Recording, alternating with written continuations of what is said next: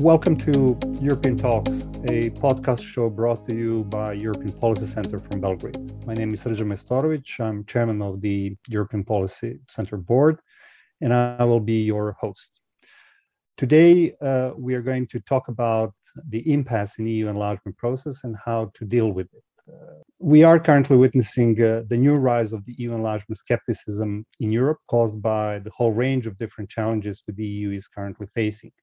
Uh, when you add to that uh, slow and uh, highly questionable reform uh, drive and uh, transformative effects in candidate countries, especially those who pretend to lead the Western Balkan Six uh, group, it is only natural to ask ourselves isn't it a ripe time to start thinking out of the conventional enlargement box, toolbox, put on the thinking hats, and start imagining a more efficient method for integration of the Western Balkan six countries into the EU?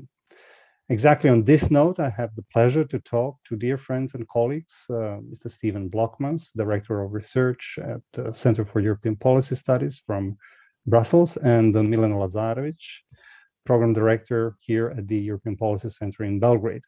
Our guests, together with Michael Emerson uh, from CEPS and Strahinja Subotic from European Policy Center, are co-authors of the latest proposal of um, stage membership or staged accession uh, process. Uh, welcome to you both. Thank you. Steven, let, us start with you. Uh, why a new approach to EU accession process? Uh, tell us more about the broader European context in which this uh, restructuring is being proposed and why is it necessary at this particular moment? Well, I, I, guess you gave the answer yourself in the introductory remarks. The, the enlargement process is stuck in a rut. Uh, one only has to look at the, the difficulties prior to the recent EU Western Balkan summit in Brdo, where you know it was difficult to agree on the language of the final communique, notably the question whether or not to include the words enlargement process in the text. You know, to realize how bad things have become internally divided, the, the EU is literally lost for words when trying to honor the promise of Thessaloniki made 18 years ago uh, to integrate the countries of the region. And the publication of the European Commission's enlargement package, you know, used to be a yearly highlight on the on the political calendar, but now the country reports are received with, you know, at best a, a mix of scorn and uh, and apathy. And meanwhile, we have seen tensions uh, flare up again at the border between Serbia and Kosovo, despite uh, an EU facilitated dialogue, which has rambled on for years. In Bosnia and Herzegovina, the ilk of uh, Dodik and Čović are threatening the territorial integrity and stability of the country, which has been on, on a slow downward trajectory for years, despite or perhaps due to the, the oversight of the, the Office of the High Representative and the presence of the European Union. So, I mean, these are just the most egregious cases. Uh, we've witnessed, of course, the backsliding uh, on the on the respect for the rule of law and democratic principles in, in several other countries. On the EU side, too, we've seen no real commitment of the member states to to help implement the revised enlargement methodology, which was adopted to, to assuage concerns by notably France, the Netherlands, and also Denmark about monitoring pre accession conditionality. We have seen no progress on the intention to open accession negotiations with North Macedonia and Albania because Bulgaria blocks the process over, quite frankly, some outlandish historical linguistic claims. Um, and so, uh, as enlargement, which was once called the EU's most successful foreign policy fails to deliver, other international actors, China, Russia, Turkey, they're advancing their interests in the region and often against those espoused by the EU. So it's against this background uh, that we issued our proposal to change the accession procedure. And our template is, is therefore mainly aimed at sustaining the incentives for the states of the Western Balkans to continue their European integration journey and, and overcome an apparent impasse over accession prospects, And at the same time, our proposal aims to ease the most serious concerns that existing EU member states have over the prospect of further enlargement, notably the addition of a series of potential veto players whose democratic basis and rule of law is not yet uh, solidified. And the proposal we put on the table sets out a substantial institutional, technical, and legal basis to break out of this current uh, impasse. Of course, it remains for, for political leaders in both the EU and the Western Balkans to, to signal their interest in such ideas and, and thus launch debate at the strategic level so that the institutions can work towards defining a formal proposal. We believe that the EU's institutions could well lend themselves to the idea of staged membership with various examples and precedents to, to go by also connecting with uh, the related idea of, of differentiated integration of the European Union. To be sure, the implementation of a system of staged accession would have to be supplemented by a robust EU policy geared towards the resolution of bilateral disputes and issues of, of statehood in the region. So, a successful development, further development, and practical application of our proposal um, would, would, we think, do much to restore positive momentum to the European project itself which is currently threatened by a damaged reputation, uh, as well as numerous internal and external threats. Thank you, Steven. Uh, Mila, coming back to you, uh, what are the key differences of your proposal to the ongoing accession negotiations? You are proposing introduction of four stages, stages EU accession process. Uh, give us some details. Uh, what is the reasoning uh, behind the, the novelties that you're proposing? Uh, yes, indeed, Srđan, uh, as you mentioned, uh, our template uh, is uh, proposing um, a staged um, accession process. Uh, Steven very eloquently um, explained the, the, the reasoning behind and the the, the backdrop against which we are proposing this uh, this new model of um, staged accession to the EU. Uh, and basically, what our template suggests is that uh, the the current pre-accession stage um, should become, let's say, more more gradual um, and that the moment of the achievement of the membership should also become more gradual in the sense that we uh, overcome or we, we we change the current um, the current model of uh, being an all-out or and then switching to an all-in uh, member uh, member state. Uh, and in that way to actually have let's say two different stages of membership. Uh, basically, our model um, uh, recognizes two accession stages, um, which we call the initial and intermediate accession stages and then two membership stages. Uh, the first one being the new member state um, uh, stage, and the last one being the conventional membership stage. Basically, each of these stages um, differs in the sense that, um, let's say, differs from the current approach in the sense that already from the beginning of the initial accession stage, um, the countries would uh, obtain certain uh, privileges, certain rights that are currently reserved reserved only for EU membership. Um, on the other hand, um, let's say uh, uh, uh, this graduated approach uh, allows the countries to prepare themselves um, for real, let's say, for, for, for, practicing real membership and to socialize themselves to socialize themselves with the EU institutions uh, throughout uh, throughout the accession process and into the membership phases. Um, and um, in, in, in, in a way, uh, what this model is actually doing is that, as Steven mentioned, it is uh, mm, uh, alleviating it. It is attempting to alleviate uh, the, the, the fears of some of the, um, especially Western Europe, European member states, from the entry into the European Union of new veto players of uh, countries which would have veto powers in the Council of the European Union and which would be thus able to um, uh, block or to, to, to thwart some of internal EU reforms which are already being uh, uh, you know uh, obstructed and, and made more difficult by the already uh, existing 27 um, uh, member states, each of which has veto powers in certain important decisions um, for, for the future of the European Union. And considering that we are aware that some of the, let's say, newer EU member states of the European Union have backslid in their democratic standards, this is you know this is a justified fear uh, among those EU member states uh, that uh, allowing new unconsolidated and unproven democracies into the EU uh, might uh, end up in uh, let's say further further reducing the effectiveness and efficiency of the work of the European Union. So therefore, um, our third stage of new member state uh, basically, although it does represent um, uh, achievement of a membership uh, status for the newly entering countries, it does not allow them all the privileges of the EU members. But um, yeah, maybe maybe uh, we can go into more detail um, further on. Thank you, uh, Milena.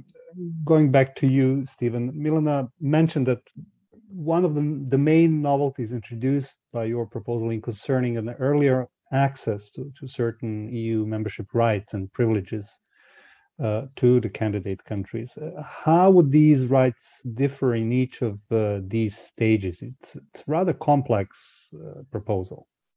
It's true, um, but bear with us. Uh, so I'll try and and uh, depict each of those four stages and indeed uh, the main rights, but also conditions that would be attached to um, to this enhanced um, participation of candidate countries in the EU institutional system.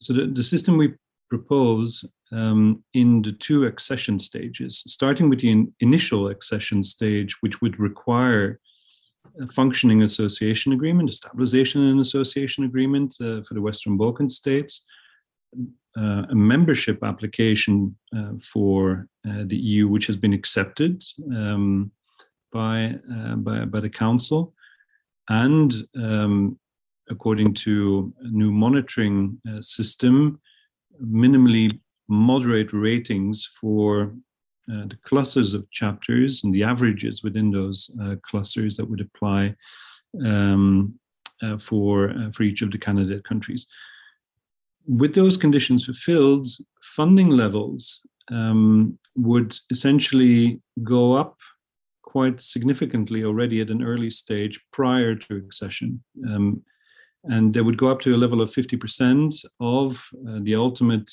uh, conventional membership uh, uh stage.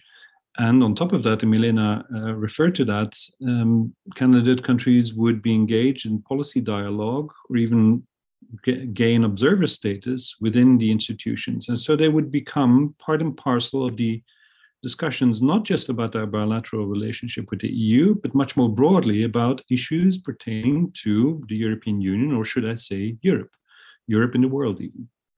So that, that is an important uh, addition, I think, to, to the current stage uh, status graduating to the intermediate accession stage, uh, funding levels would go up to 75% of conventional membership and uh, more substantial participation in the policies and institutions would be uh, gained by the candidate countries. And here we refer specifically to, to speaking rights in the Council and Parliament, uh, but short of voting rights. I mean, voting rights are obviously reserved for uh, member states.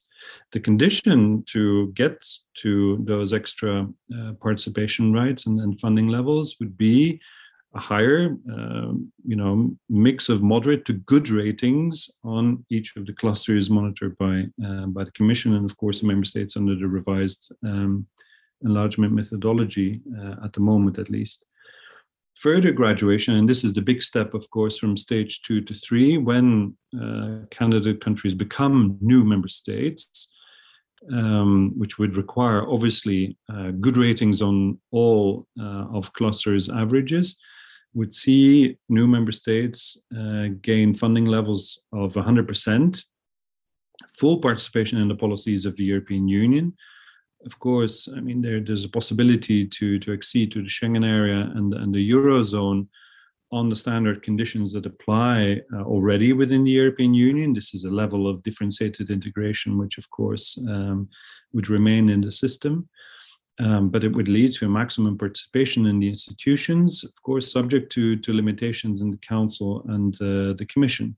But here, and, and Milena referred to this, um, the candidate countries could actually serve as a sort of avant garde group uh, for further EU institutional reform, which is being discussed endlessly and has been proposed by France and Germany in particular, as far as QMV, qualified majority voting rights in the Council, is concerned, so as to overcome blockages that we've seen the EU. Um, from, from you know uh, preventing to to uh, play its role in the world in particular, and that QMV would essentially be attributed to those rights would be attributed to candidate uh, countries.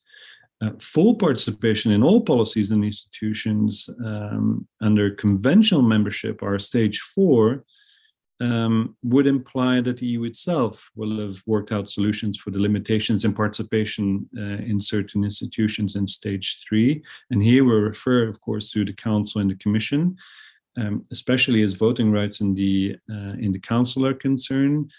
Um, what we try to do with this um, with this proposal is, in fact, introduce institutional change uh, through the back door, if you want, uh, through accession of uh, new candidate countries. And we can talk more about the legal um, uh, basis for that later. Thank you, Steven. Uh, coming back to, to you, Milena, another novelty that you proposed concerns how to secure irreversibility of the reforms by developing concrete mechanism of um, sanctioning those who fail to respect their obligations in the accession process. Uh, tell us more about that. Uh, yes, uh, indeed, reversibility is a very important uh, element uh, uh, for creating a credible um, enlargement policy. Um, and uh, just as much as we need um, incentives to move forward, to move forward with reforms and to to help motivate political leaders in the region um, to pursue the sometimes uh, painful uh, political reforms. Um, just as much as we we, we need uh, uh those incentives, we also need, um, uh, let's say, threats or, or, in a way or at least uh, the possibility of reversing the rights and the benefits obtained in the EU accession process uh, in order to sanction uh, potential backsliding. Uh, as we have already seen, uh, this is uh, possible not only here in the region, it is also possible uh, very much within the European Union. Um, democracies are fragile flowers, and indeed there needs to be there need to be checks on on how these basic values of the EU EU's functioning um, are uh, upheld by its members. Uh, this means that uh, in our proposal, we are we, we, have integrated the idea of ensuring reversibility throughout the process, both within the four stages as well, although as only as the matter or the the the, the last resort, uh, the reversibility between stages. Um, why do I say that reversibility between stages is uh, something that is, you know, uh, uh let's say, um, um, the last recourse, uh, simply because in some cases reversibility between stages would become quite, uh, let's say, politically and legally uh, difficult, especially um, the um, the reversibility between stages three and two or reversibility from the stage three to the stage two uh, because it is very difficult you know from some from a country that has become a new member state uh, to reverse back to not being a member state. We have uh, seen uh, how difficult uh, how difficult that uh, that can play out um, in reality. However reversibility within stages is something that um, has been let's say um, emphasized or put as um, as uh, as the main tool uh, in this uh, in this uh, model, uh, and it would basically mean um, um,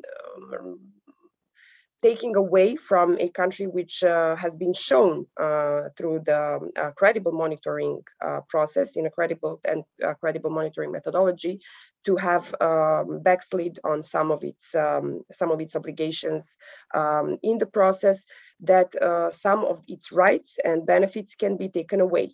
Uh, for example, uh, this uh, would most logically pertain to um, funding levels uh, which could be decreased um, um, within stage one, or for example, so uh, for stage one, the country uh, obtains right to 50% uh, of what it would normally, 50% uh, of the funding levels through EU structural funds compared to what it would have as a full member state but uh, some of those funds could be withdrawn um, uh, because of potential backsliding, because of proven backsliding.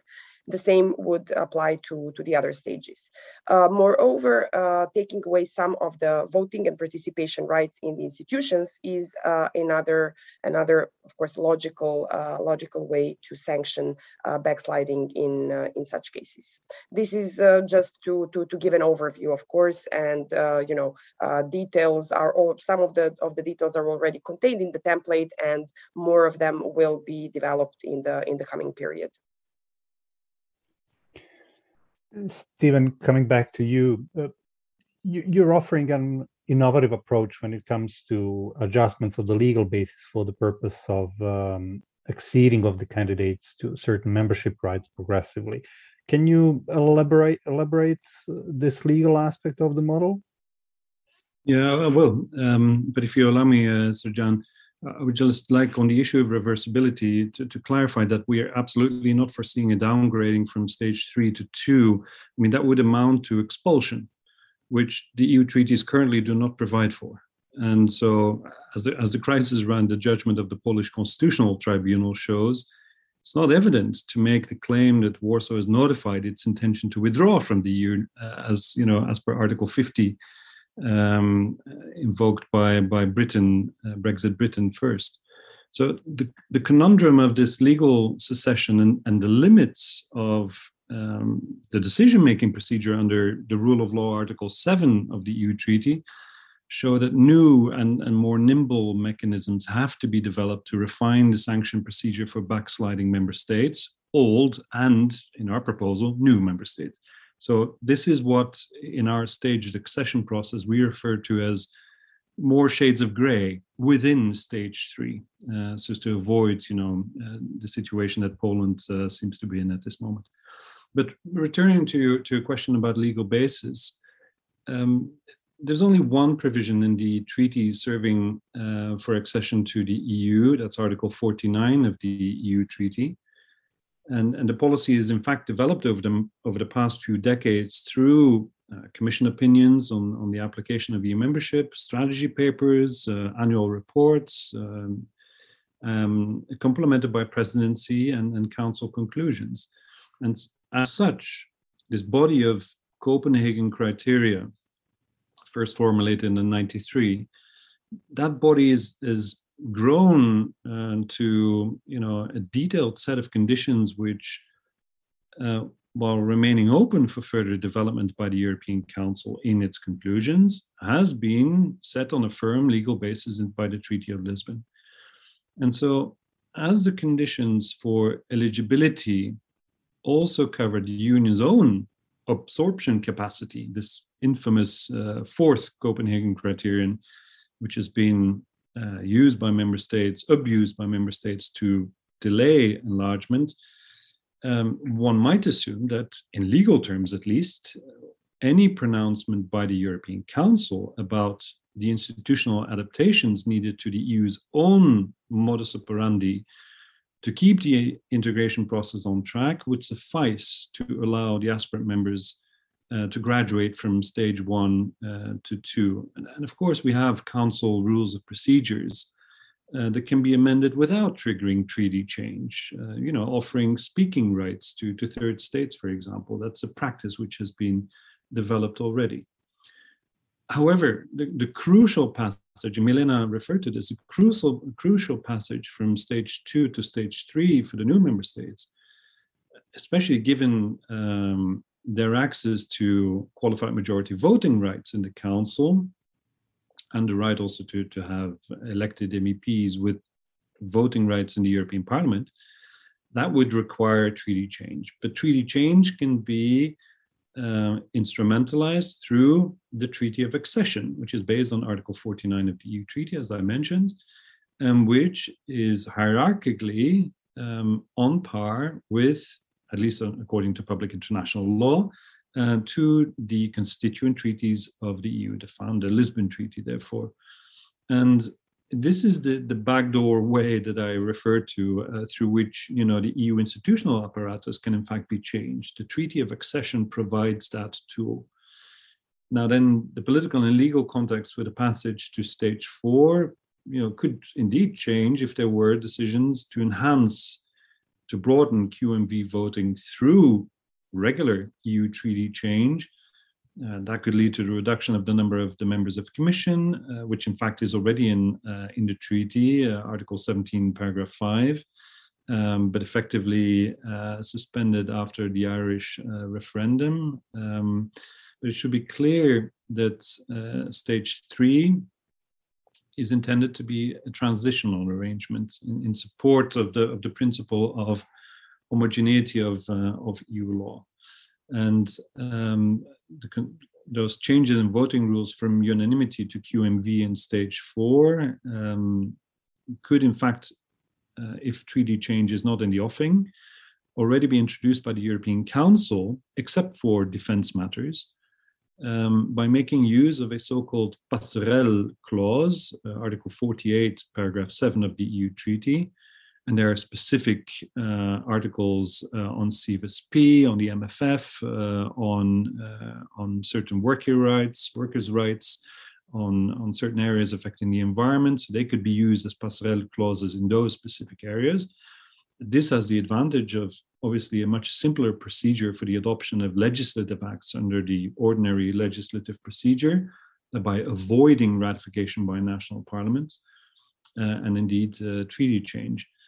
Um, the, the, participation of aspirant uh, members in specific policy frameworks for the of the union uh, in in the lower stages, stage two in particular, would in most cases only require you know executive agreements or amendments to designated EU legal acts, and this you know would be reminiscent of the provisions that allow for a third country participation in, in, for instance, the Schengen area, which already exists, um, or in PESCO projects, where, where, where the agreement has recently been hammered out. So specific elements of EU legislation would, would also feature, um, as, for example, on main funding decisions. Uh, so ultimately, a mix of these and other uh, several legal possibilities would emerge as the most feasible basis for agreement, um, with indeed uh, the crucial stage jump from two to three, requiring an accession treaty. Thank you, Steven, um, especially for mentioning uh, Passerelle uh, I think this is going to be very, very interesting for all the EU wonks around who are, who are listening to, to this uh, uh, podcast. Uh, Milena, uh, coming back to you and perhaps for the end, um, uh, a question. European Commission yesterday published its regular enlargement package, including country reports on candidates' progress. Your proposal is suggesting how these reports should be improved, how to improve monitoring of the of the ongoing reforms. How exactly do you envisage to, to improve this process? Uh, well, as I mentioned before, uh, in order to ensure a credible enlargement policy, we need both uh, working incentives and also working uh, possibilities for sanctions and reversibility. But in order for, for those to be credible, um, and to enjoy the trust of the EU member states, which has been a problem uh, recently. It is a problem when uh, the European Commission makes recommendations and the EU member states don't accept and don't trust those recommendations. We can see that in case of, for example, Kosovo's visa liberalization and uh, in several other cases.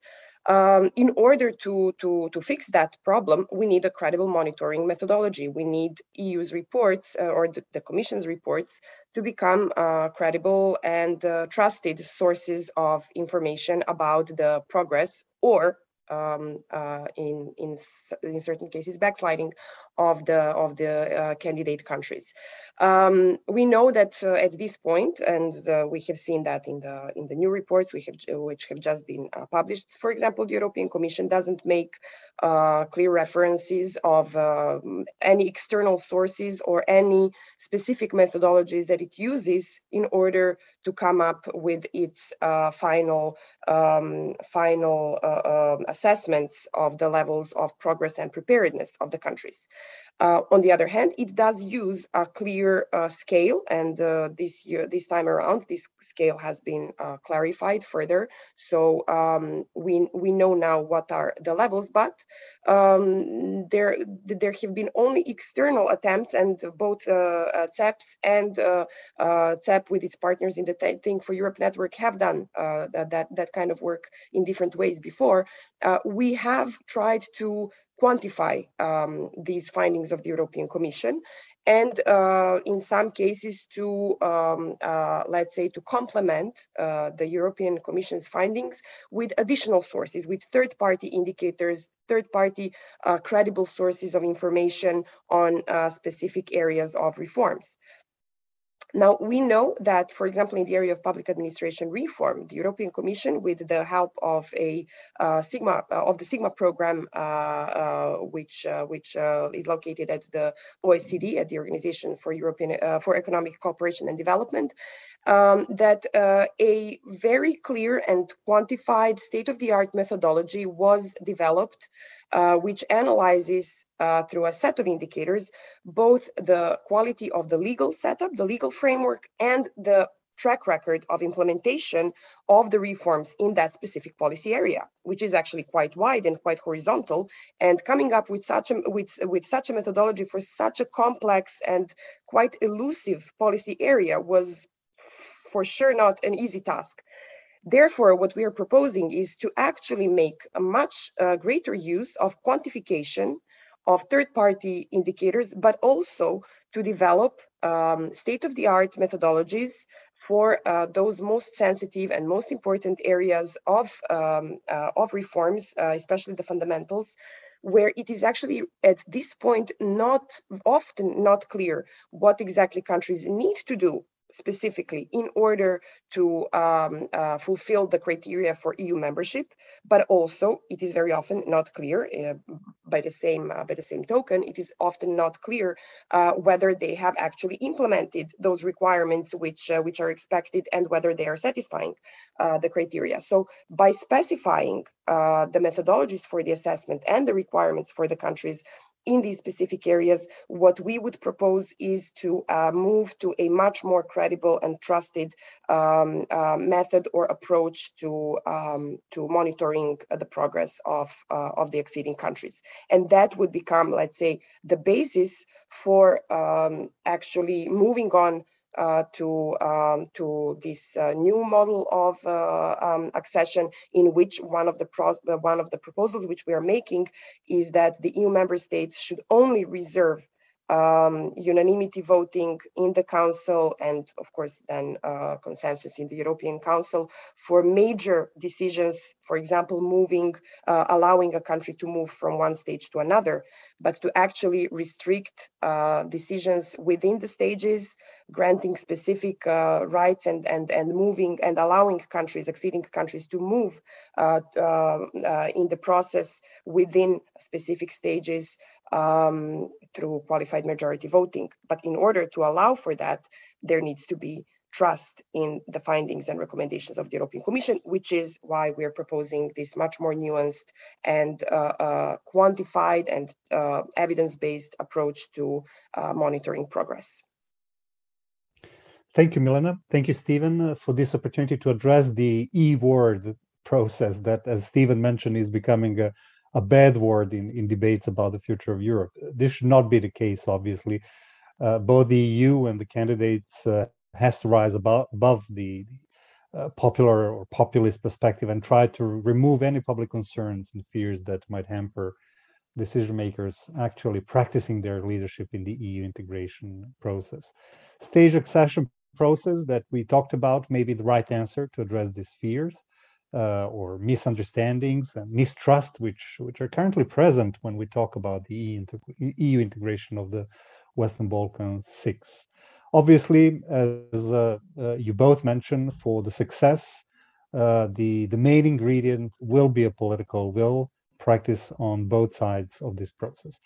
Thanks, thank you once again. This was a European Talks uh, podcast dedicated to the new proposal of stage membership proposed by a group of authors from um, Center for European Policy Studies from Brussels and European Policy Center from Belgrade. Don't forget to download your copy of the proposal that you can find on the websites of the both organizations. With this, we have finished today's podcast. Thank you very much. Thank you. Thanks, Srđan.